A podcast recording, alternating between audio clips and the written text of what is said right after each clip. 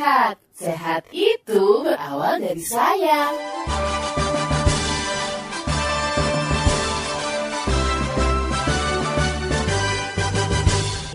Assalamualaikum warahmatullahi wabarakatuh. Apa kabar sahabat edukasi? Senang sekali kita berjumpa lagi di acara rubrik sehat ya, kerjasama suara edukasi dengan Puskesmas Cilincing. Hari ini kita bertemu dengan narasumber yang sudah lama tidak berjumpa ini di udara ya. Apa kabar Dokter Aulia Abdillah? Oke, baik. Apa kabar Mbak? Saya sehat selalu, terima kasih. Alhamdulillah ketemu lagi di iya bulan iya, puasa ya, Dok ya. Iya.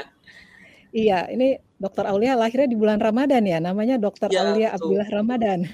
Iya, betul betul. Memang dulu saya lahir di bulan Ramadan. Kalau boleh hmm cerita sedikit dulu saya lahir di tepatnya di tanggal 30 Ramadan setengah enam sore jadi setengah jam lagi ganti nama saya jadi Syawal. Namanya jadi. Aulia Abdillah Syawal. Iya. Masya Allah ya. Mudah-mudahan yeah. ini Ramadannya dari dilatih sejak kecil sampai hari ini aman ya dok ya. Aman, aman, aman. Ramadan. Aman, aman. Belum ada ya. yang bolong kok tenang. Belum ada yang belum, alhamdulillah. Nah, itu yang kita harapkan semua ya, khususnya bagi umat mukmin sedunia, bulan Ramadan ditunggu-tunggu ya, Dok ya. Kita iya. semua menjalankan ibadah puasa dan berharap banyak pahala sekaligus juga biasanya dapat bonus ya, Dok ya. Ketika ikhlas menjalankannya, baik-baik aja tuh, sehat-sehat aja tuh gitu ya. Tapi ada juga sih yang baru satu, dua, tiga hari udah nyerah kayak gitu. itu banyak tuh dok. Biasanya di mana ya? Apakah di lingkungan pertemanan nih anak sekolah namanya anak sekolah ya kadang ada yang nakal ya dok bahkan di, di dunia orang dewasa gitu di perkantoran kadang ada juga tuh dok yang kayak gitu ya nah makanya benar, mungkin sekarang ini penting nih kita ngobrol-ngobrol sama dokter ya untuk mengangkat tema bagaimana caranya nih tipsnya supaya kita tetap bugar di bulan puasa ya dok ya. Ya, kan nggak semua orang ya, nggak semua mukmin ini. Ketika memasuki bulan suci Ramadan itu secara mental, secara fisik prima atau siap gitu kan, sebulan penuh mau puasa. Langsung dadakan. Dari kegiatan normal ya, bisa makan minum pagi, siang, sore, malam, tiba-tiba begitu sholat subuh ya batasnya sampai maghrib itu nggak boleh ada masuk makanan dan minuman sama sekali kaget ya dok. Mungkin ini dokter yang praktek di puskesmas Cilincing pernah ya mungkin menghadapi pasien yang tiba-tiba mahnya kambuh kah atau apa awal-awal Ramadan gitu jadi bermasalah. Nah jadi mungkin sekarang dokter bisa nih mengantarkan gitu. Apakah kondisi bugar pada waktu menjalankan ibadah puasa itu memungkinkan gitu dok? Nah dan okay. mungkin ada hal-hal juga nih yang perlu dipersiapkan atau diantisipasi yang terjadi di dalam tubuh ketika puasa itu juga gimana? Boleh deh dok dijelaskan ke kita nih ya. Oke baik terima kasih kesempatannya Mbak Wira dan sahabat edukasi di mana pun berada. Sebelumnya saya boleh perkenalkan diri dulu. Saya Dr. Aulia Abdillah Ramadan, saya dokter umum di Puskesmas Cilincing. Saat ini saya diamanahi sebagai penanggung jawab program penyakit tidak menular. Senang sekali saya bisa diundang pada hari ini untuk berbagi mengenai tips sehat dan bugar selama bulan puasa. Boleh saya mulai langsung ya? Oke, ya, baik sahabat edukasi di mana pun berada, kalau kita mendengar kata puasa artinya kita menahan lapar, menahan untuk tidak makan, untuk tidak minum, tidak marah-marah dan sebagainya, emosi yang berlebihan. Oke, karena pada karena pada dasarnya puasa ini memang untuk melatih kita gitu. Kalau Pak Ustadz kita suka bilang bulan puasa adalah bulan latihan. Yang diharapkan setelah bulan puasa ini selesai, kita jadi manusia lebih baik, baik dari hmm. segi fisik maupun dari segi emosional. Nah, jika kita berbicara mengenai sehat dan bugar selama bulan Ramadan, saya ingin menawarkan sebuah paradigma baru, sudut pandang baru mengenai hubungan antara bulan puasa dan kebugaran tubuh. Oke, baik. Ada ya, Dok ya? Ya, ada banget, ada banget. Nah, jadi sangat erat ikatannya, sangat erat kaitannya bulan puasa dengan kebugaran tubuh. Semakin baik puasa kita, maka akan semakin baik pula tingkat kebugaran tubuh kita. Itu yang harusnya terjadi.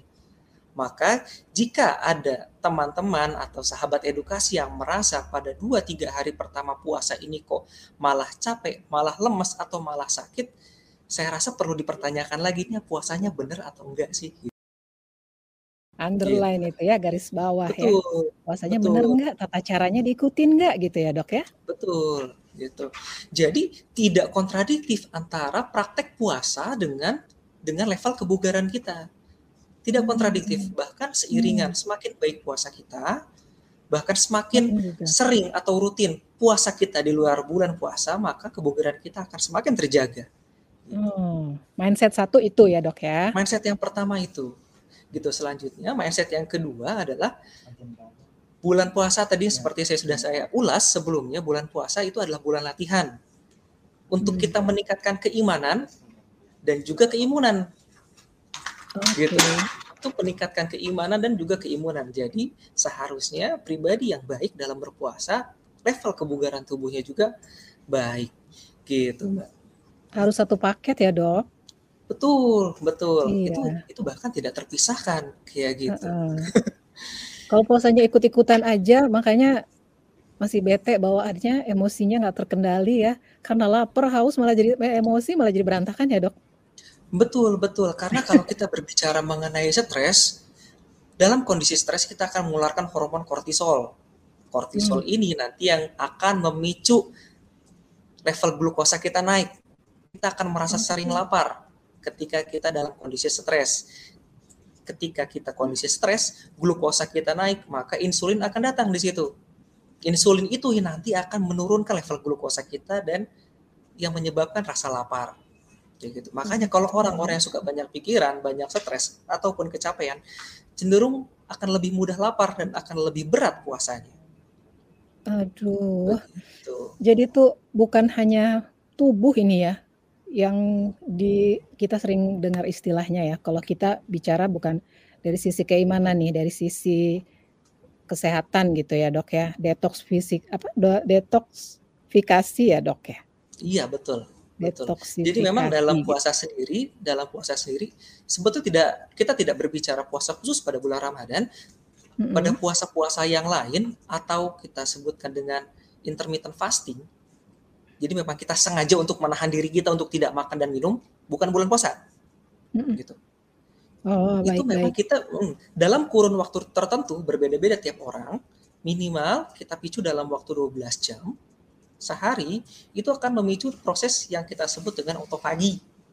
Autofagi apa itu autofagi? Dari katanya sendiri bisa kita bagi dua, auto dan fagi. Auto itu kan otomatis, fagi hmm. itu makan. Jadi otomatis makan dalam kurun waktu kurang lebih 12 jam tergantung pribadi masing-masing tubuh akan mencetuskan mekanisme tersebut yang akan membuat badan kita memakan diri kita sendiri.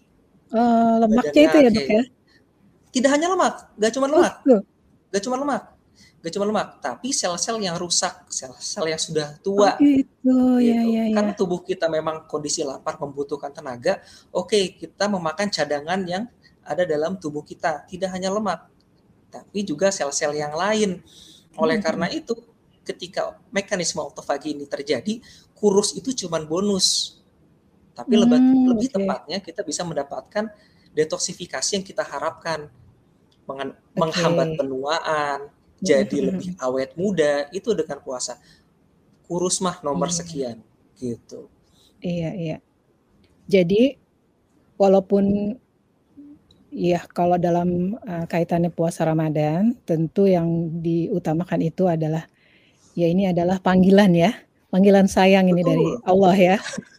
Iya. Kepada mukmin ini, ayo siapa ya. mau dapat bonus luar Betul. biasa karena puasa itu bukan semata-mata untuk kita ya, tapi Allah iya. menyampaikan untukku gitu ya. Kalau kita dengar-dengar kajian Betul. itu, Betul. itu pasti kan tidak terbatas pahalanya. Jangan sampai kita kayak hatinya tuh berat gitu ya dok ya kapan sih selesainya nih kapan sih iya. lebaran yeah. gitu ini kapan sih bisa makan siang hari enggak ya dok ya harus makanya ini di sini dokter kasih pemahaman gitu keuntungan keuntungannya itu apa nah jadi kitanya juga harus gembira ya dok ya begitu masuk Betul. bulan suci Ramadan tuh oh kita akan banyak dapat kebaikan gitu kan ya dan menjalankan puasanya juga dengan happy dengan senang hati supaya janji Allah itu nanti kita rasakan ya dokter ya okay. di badan kita juga enak sehat walaupun itu bukan yang utama dokter bilang itu bonus Selain itu, kita juga nggak stres nih puasanya, senang-senang aja.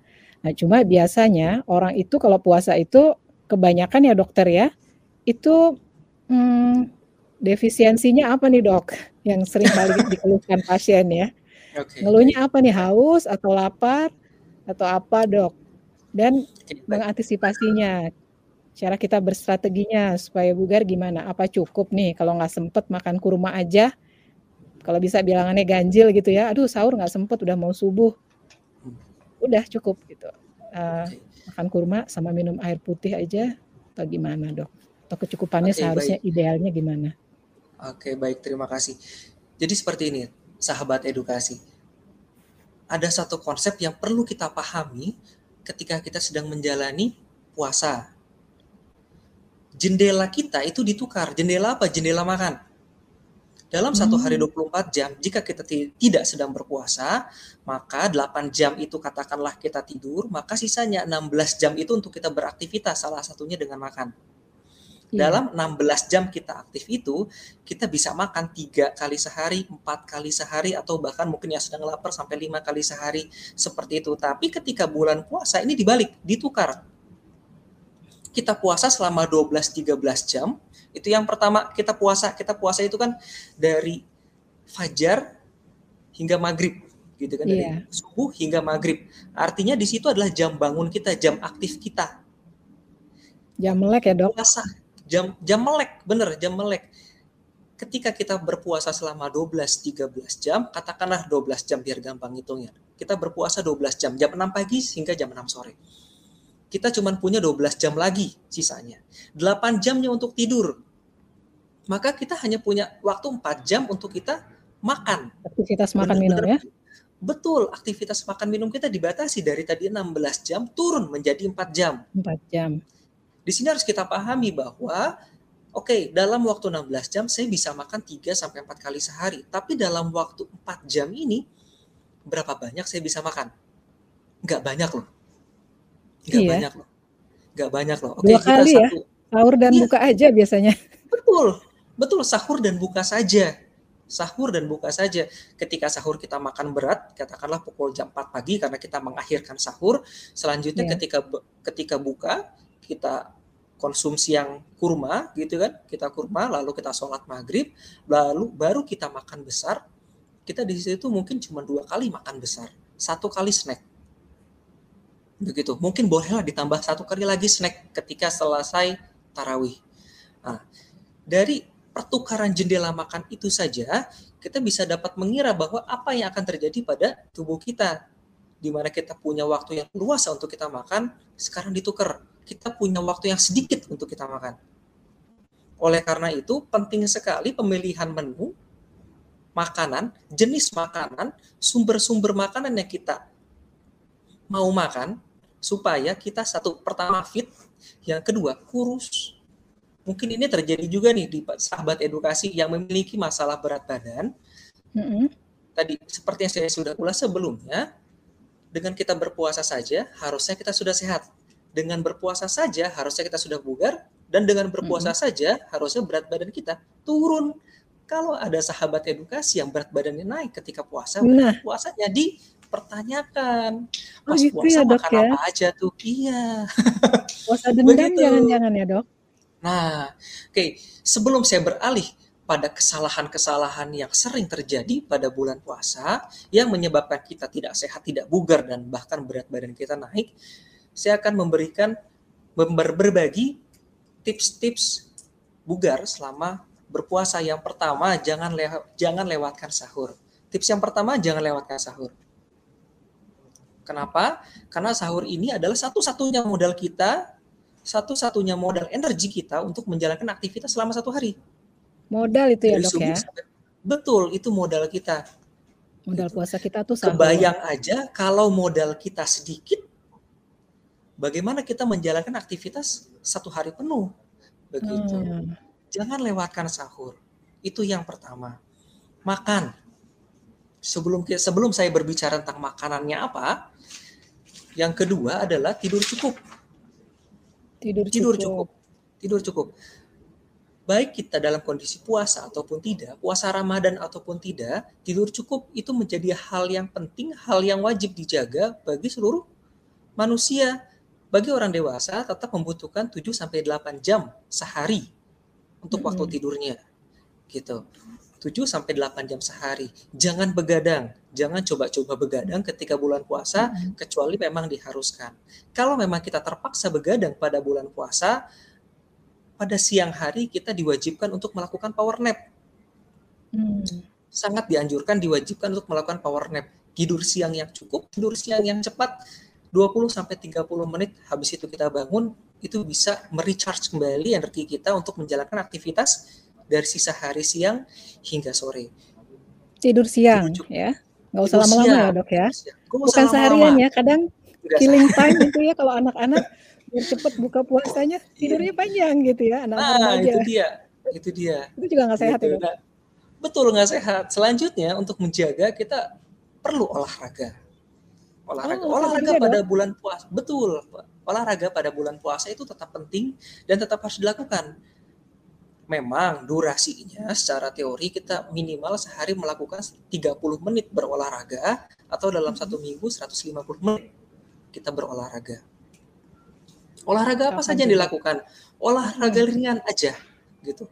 Bahkan eh, dokter spesialis kesehatan olahraga SPKO itu menyarankan bahwa kita cukup jalan cepat saja ketika bulan puasa.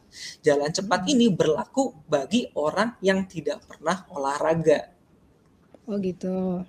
Bagi sahabat edukasi yang mungkin sehari-harinya jarang olahraga bahkan sebelum bulan puasa dan tiba-tiba ketika bulan puasa kesambet, aduh pengen olahraga nih, olahraga apa ya? Oke, jalan cepat itu bisa jadi pilihan yang baik bagi sahabat edukasi lakukan. Itu outdoor ya dok. Outdoor betul. Ataupun kalau memang sahabat edukasi memiliki seperti alat bantu olahraga di rumah itu pun bisa digunakan. Nah, selanjutnya kita ada opsi lagi nih olahraga ringan sedang. Seperti kita jogging ataupun kita olahraga aerobik. Yoga, lalu senam, zumba dan sebagainya itu pun disarankan bisa seperti itu atau olahraga berat, olahraga anaerobik seperti olahraga angkat beban, olahraga bulu tangkis dan sebagainya. Olahraga ini olahraga ini juga berkaitan dengan waktunya. Gitu. Tidak bisa kita main badminton pagi-pagi, tidak bisa kita angkat beban pagi-pagi. Kita bisa menggunakan, ya, kita bisa melakukan betul capek kita. Kita bisa melakukan jalan cepat ini pagi-pagi. Tadi ada olahraga yang ringan kita bisa lakukan pagi-pagi pukul 7 pukul 8 selanjutnya olahraga ringan sedang kita bisa lakukan dari pukul setengah lima sore itu kita bisa. Selanjutnya olahraga berat itu kita bisa lakukan setelah sholat tarawih. Seperti itu. Jadi olahraga itu penting. Nah lalu bagi sahabat edukasi yang sudah terbiasa olahraga bagaimana? Apakah bulan puasa ini malah terhambat olahraganya? Tidak bisa kita batasi setengah dari intensitas kita ketika tidak berpuasa.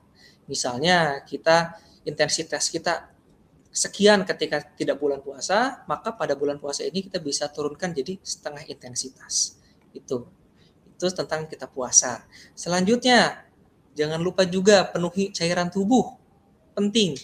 Jangan lupa minum, jangan keasikan makan. Seperti yang sudah disampaikan oleh Nabi kita, bahwa perut ini terbagi tiga ruang sepertiga untuk makanan, sepertiga untuk minuman, dan sepertiga untuk udara. Ini juga perlu patut kita contoh, perlu perlu, perlu juga kita praktekkan. Gitu.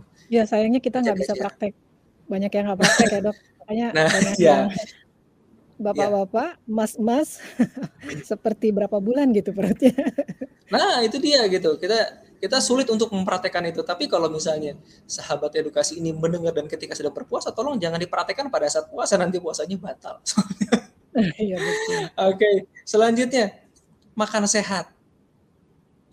Kembali kepada jendela waktu yang turun drastis dari 16 jam kita bebas memilih waktu untuk makan dan sekarang kita hanya memiliki waktu 3 sampai 4 jam efektif untuk kita makan, maka pilihan makanan ini menjadi sangat penting. Selektif ya dok. Betul, kurangi karbohidrat. Cobalah kurangi karbohidrat. Oh gitu. Karbohidrat dari nasi, gula-gulaan, tep, tepung, karbohidrat-karbohidrat yang apa ya bubur seperti itu kurangi kurangi diatur gitu ya dok padahal itu mereka takjil yang menarik hati itu dok nah itu ya menarik hati itu balap-balap pakai sambal kacang terdiri gitu ya. dari karbohidrat dan manis-manis ya, ya potong pakai sambal kacang itu kurang Aduh, nikmat apa lagi okay. bakwan bakwan dan sebagainya oke okay. nah coba kurangi coba kurangi lalu apa pilihan utama kita idealnya idealnya pilihan utama kita sebagai pilihan diet selama bulan puasa itu pertama adalah protein. Protein? Protein. Protein bisa berupa kacang-kacangan, bisa berupa daging, baik daging merah maupun daging putih, daging ikan, ataupun daging ayam, ataupun daging kambing, ataupun daging sapi, itu silahkan. Cara penyajiannya bagaimana? Memang idealnya kita panggang, grill, atau roasted. Gitu. Dari goreng gitu Supaya, gitu tidak, karena kalau digoreng nanti akan timbul lemak, akan muncul lemak di sana gitu. Yang lemaknya bukan lemak baik tapi lemak jahat. Itu yang coba kita kurangi. Kenapa kita memilih metode seperti itu? Karena dengan metode seperti itu kita tidak perlu menambahkan bumbu terlalu banyak pada makanan kita. Gitu. Kalau sahabat edukasi pernah makan stick-stick itu, di, di, di luar bumbunya, di samping bumbunya itu cuma dipanggang doang. Gitu, cuma dipanggang doang. Jadi betul-betul lemaknya itu terjaga. Dan pada daging sendiri, kalau kita lihat yang namanya daging ayam, paha ayam ataupun daging sapi, itu memang sudah ada lemak terkandung di dalamnya. Jadi tanpa tanpa menambahkan minyak, tanpa menambahkan lemak, itu sudah ada cukup lemak di dalam kandungan daging-daging tersebut. Yang pertama, hmm. yang kedua, lemak yang baik, lemak yang baik atau lemak tak jenuh kita bisa dapatkan dari sumber kacang-kacangan tadi saya sudah sebutkan ataupun buah-buahan seperti alpukat. Yang ketiga serat. Serat dari sayur-sayuran hijau. Karena serat itu berperan penting dalam mempertahankan rasa kekenyangan kita. Nah, semakin lapar ya, kita ya, betul, gak gampang lapar semakin kita banyak mengkonsumsi serat, mengkonsumsi makanan yang tinggi serat, maka itu akan mempertahankan kekenyangan kita. Gitu sehingga kita tidak mudah lapar di siang harinya atau kita tidak mudah lapar di malam harinya gitu. Jangan sampai jam 12 kruyuk-kruyuk makan ngambil mie instan. Itu kan yang gak baik gitu kan. Ya. Oke. Selanjutnya yang terakhir dan tidak kalah pentingnya itu tetap melakukan hal-hal yang positif jangan biasakan jangan, tidur ketika jangan nungguin maghrib aja ya dok ya jangan nungguin maghrib kalau nungguin maghrib boleh tapi bisa disambil olahraga bisa sepedahan atau bisa jogging gitu ya jadi jangan jangan jam setengah lima jam lima itu nontonin iklan sirup gitu kayaknya. Mending cari aktivitas Kalau yang sekarang lain. mungkin nggak lihat iklan ya dok ya, jarang yang nonton TV ya.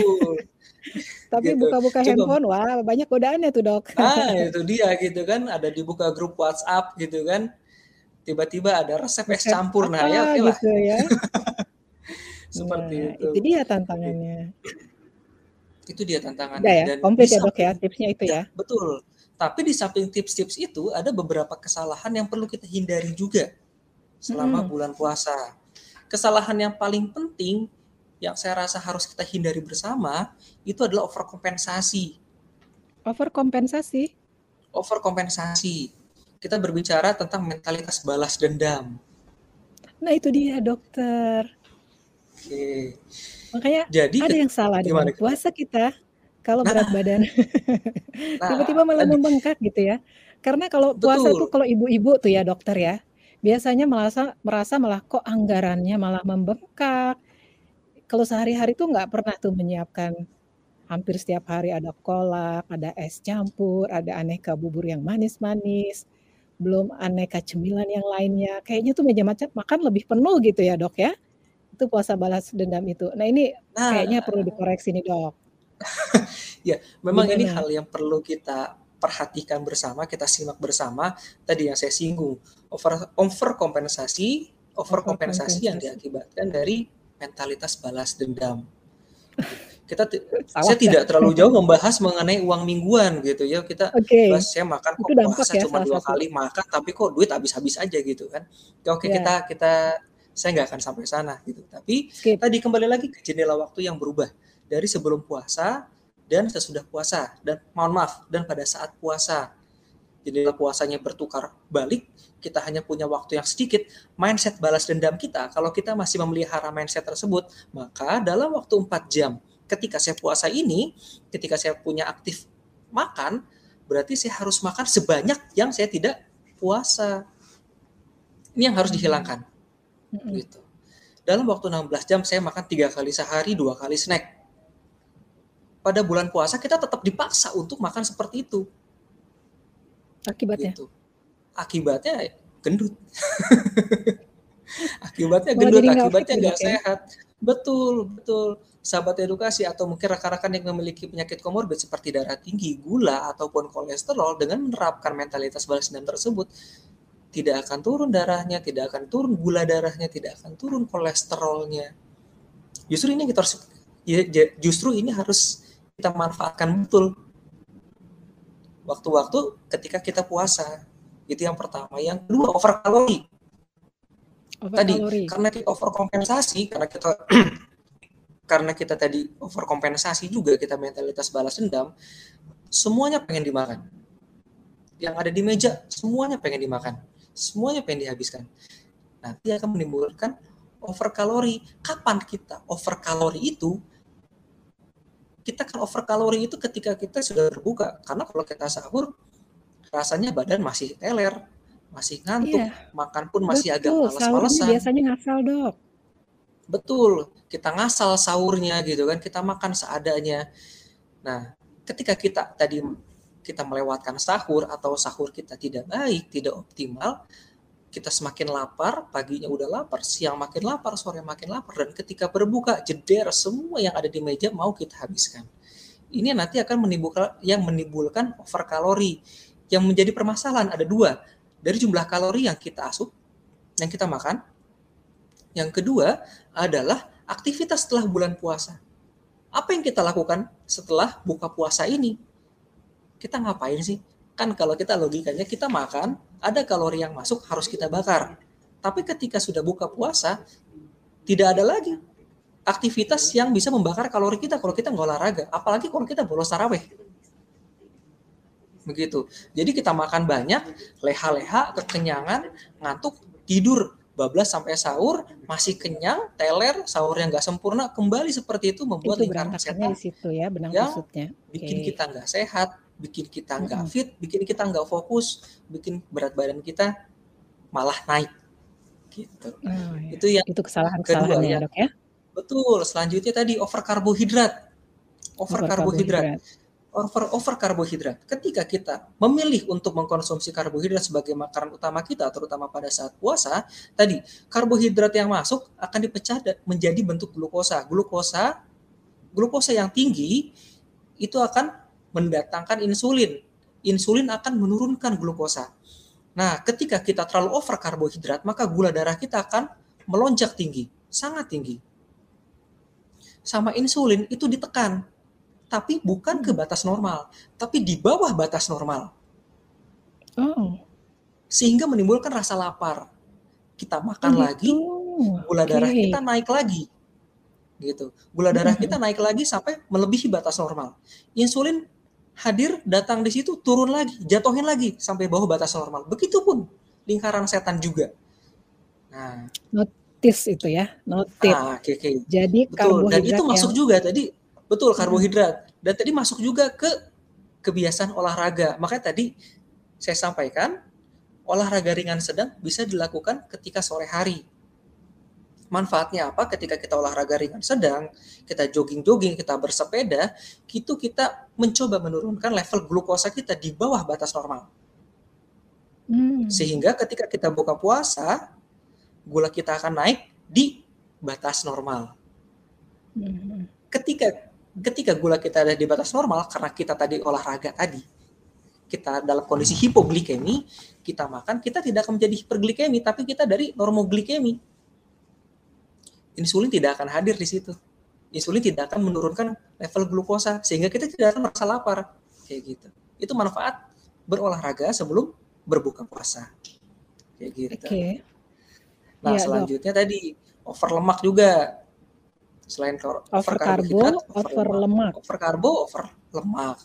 Pilihan-pilihan makanan goreng-gorengan ketika buka puasa itu juga itu juga jadi salah satu penghambat kita berpuasa dengan baik dan menghambat kebugaran kita.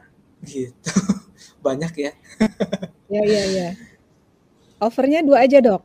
Over protein Overnya dua aja. atau Kalau over protein terjadi? memang over protein jarang terjadi. Over protein jarang terjadi karena over protein lebih sering terjadi pada rekan-rekan kita sahabat edukasi yang senang olahraga hit the gym, yang sering, Oke. yang sering melakukan angkat berat gitu. Mm-mm, mm-mm. Kita kan kalau teman-teman atau sahabat edukasi ini sering melakukan olahraga itu ada yang namanya toples yang gede, itu namanya protein powder dalam bentuk whey protein untuk meningkatkan protein gitu. Itu memang kita konsumsi apabila kita aktif berolahraga berat, angkat beban dan sebagainya. Tapi kalau kita dalam puasa, yang sebagaimana tadi disarankan oleh ahlinya, kita turunkan sampai setengah intensitasnya, maka protein powder itu bisa dikurangi. Kalau kita mengkonsumsi itu secara berlebihan juga nggak baik.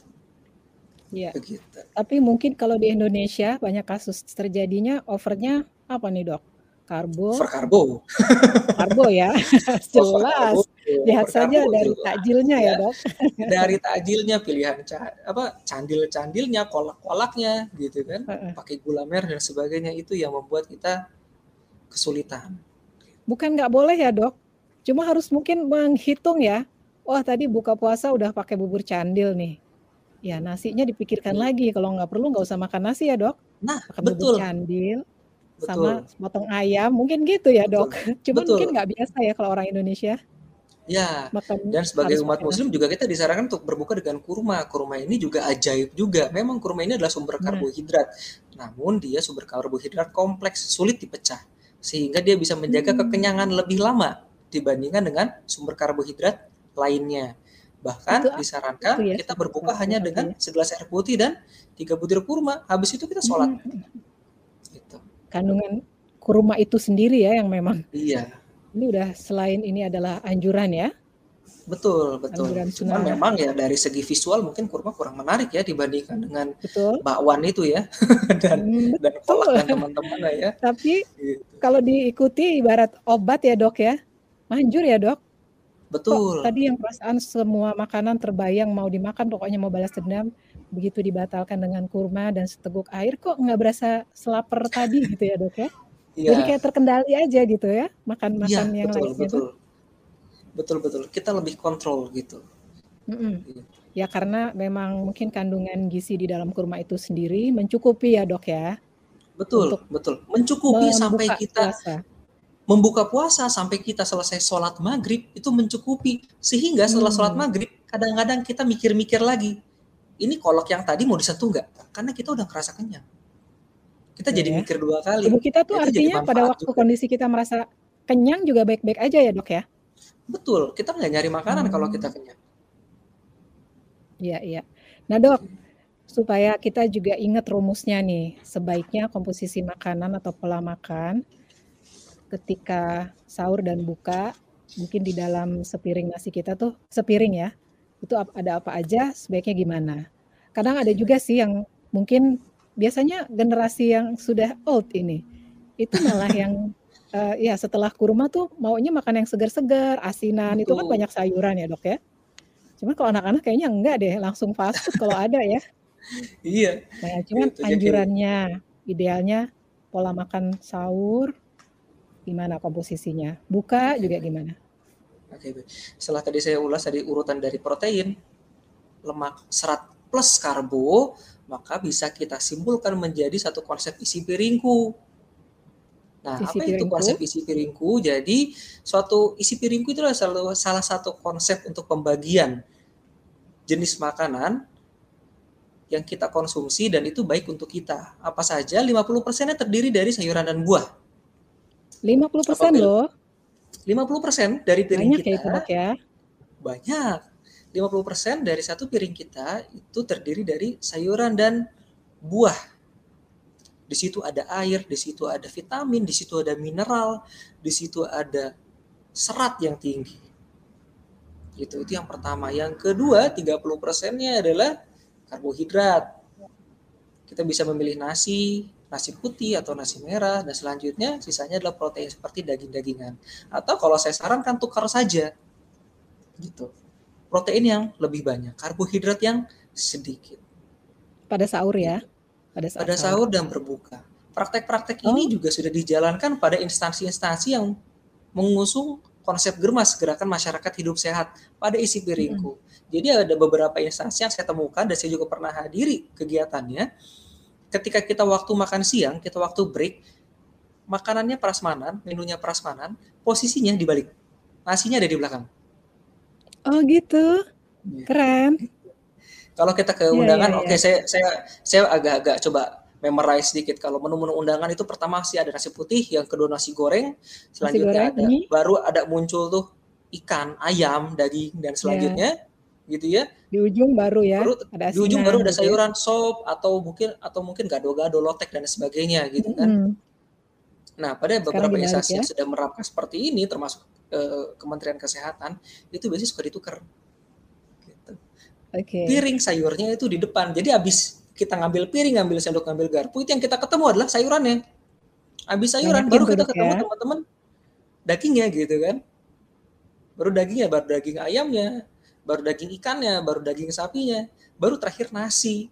Maka pas kita ngambil sayuran, kita ngambil daging, pas kita di bagian nasi, kok piring saya udah penuh, ngambil nasinya sedikit aja deh. Nah, itu konsepnya.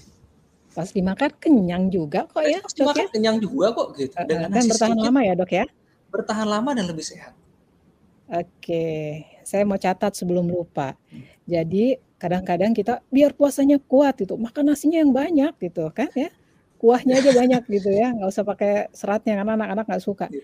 yang ada ya itu malah gampang lapar ya dok ya kalau betul gampang terlalu lapar. over karbohidrat jadi komposisi makanannya atau isi piringku pada saat sahur dan berbuka sebaiknya ya sama ya dok ya kurang lebih ya dok ya Betul. Dengan memperhatikan tadi pembagian tadi 50% serat dari sayuran dan buah ya, Dok.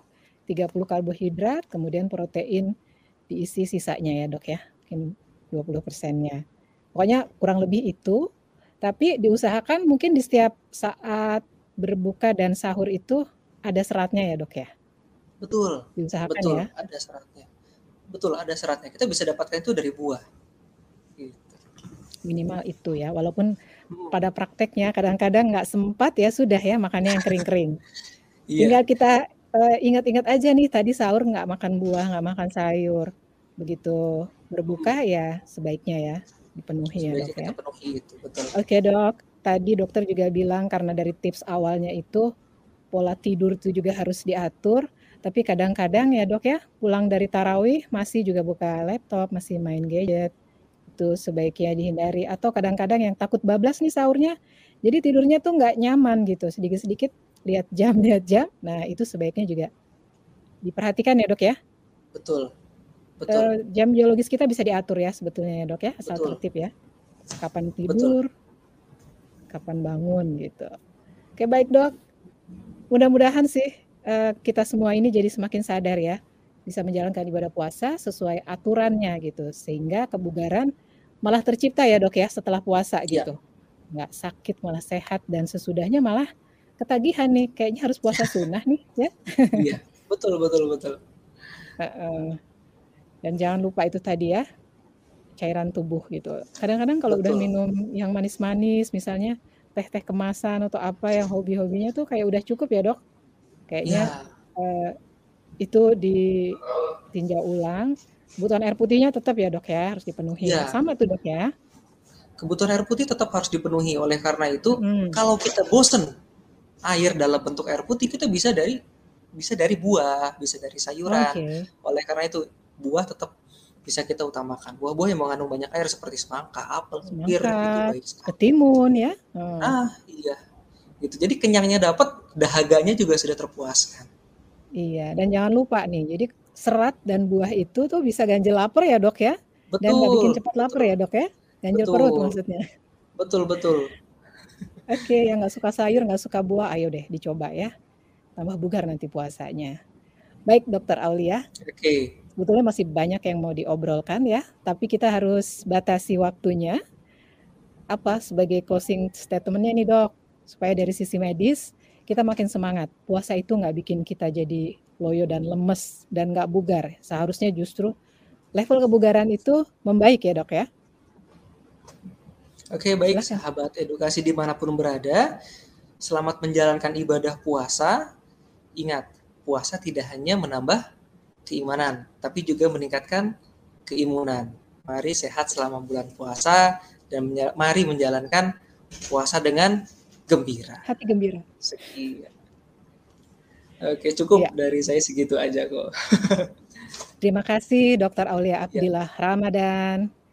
Semoga tuntas Oke. ya Ramadan ya. tahun ini kita bisa lulus ya dan menjadi mukmin yang lebih baik lagi kualitasnya. Dari kami yang bertugas, terima kasih atas kontribusi Dokter Aulia hari ini. Mudah-mudahan kita bisa bekerja sama lagi ya dok ya menyiarkan ya, kebaikan ini di dunia kesehatan melalui siaran suara edukasi. Ya, dari kru yang bertugas ada Kak Axel, Kak Ari, Kak Mira, Kak Siswa, dan saya yang bertugas uh, mengucapkan terima kasih. Kami pamit undur diri bersama Dr. Aulia Abdillah Ramadan dari Puskesmas Cilincing. Assalamualaikum warahmatullahi wabarakatuh.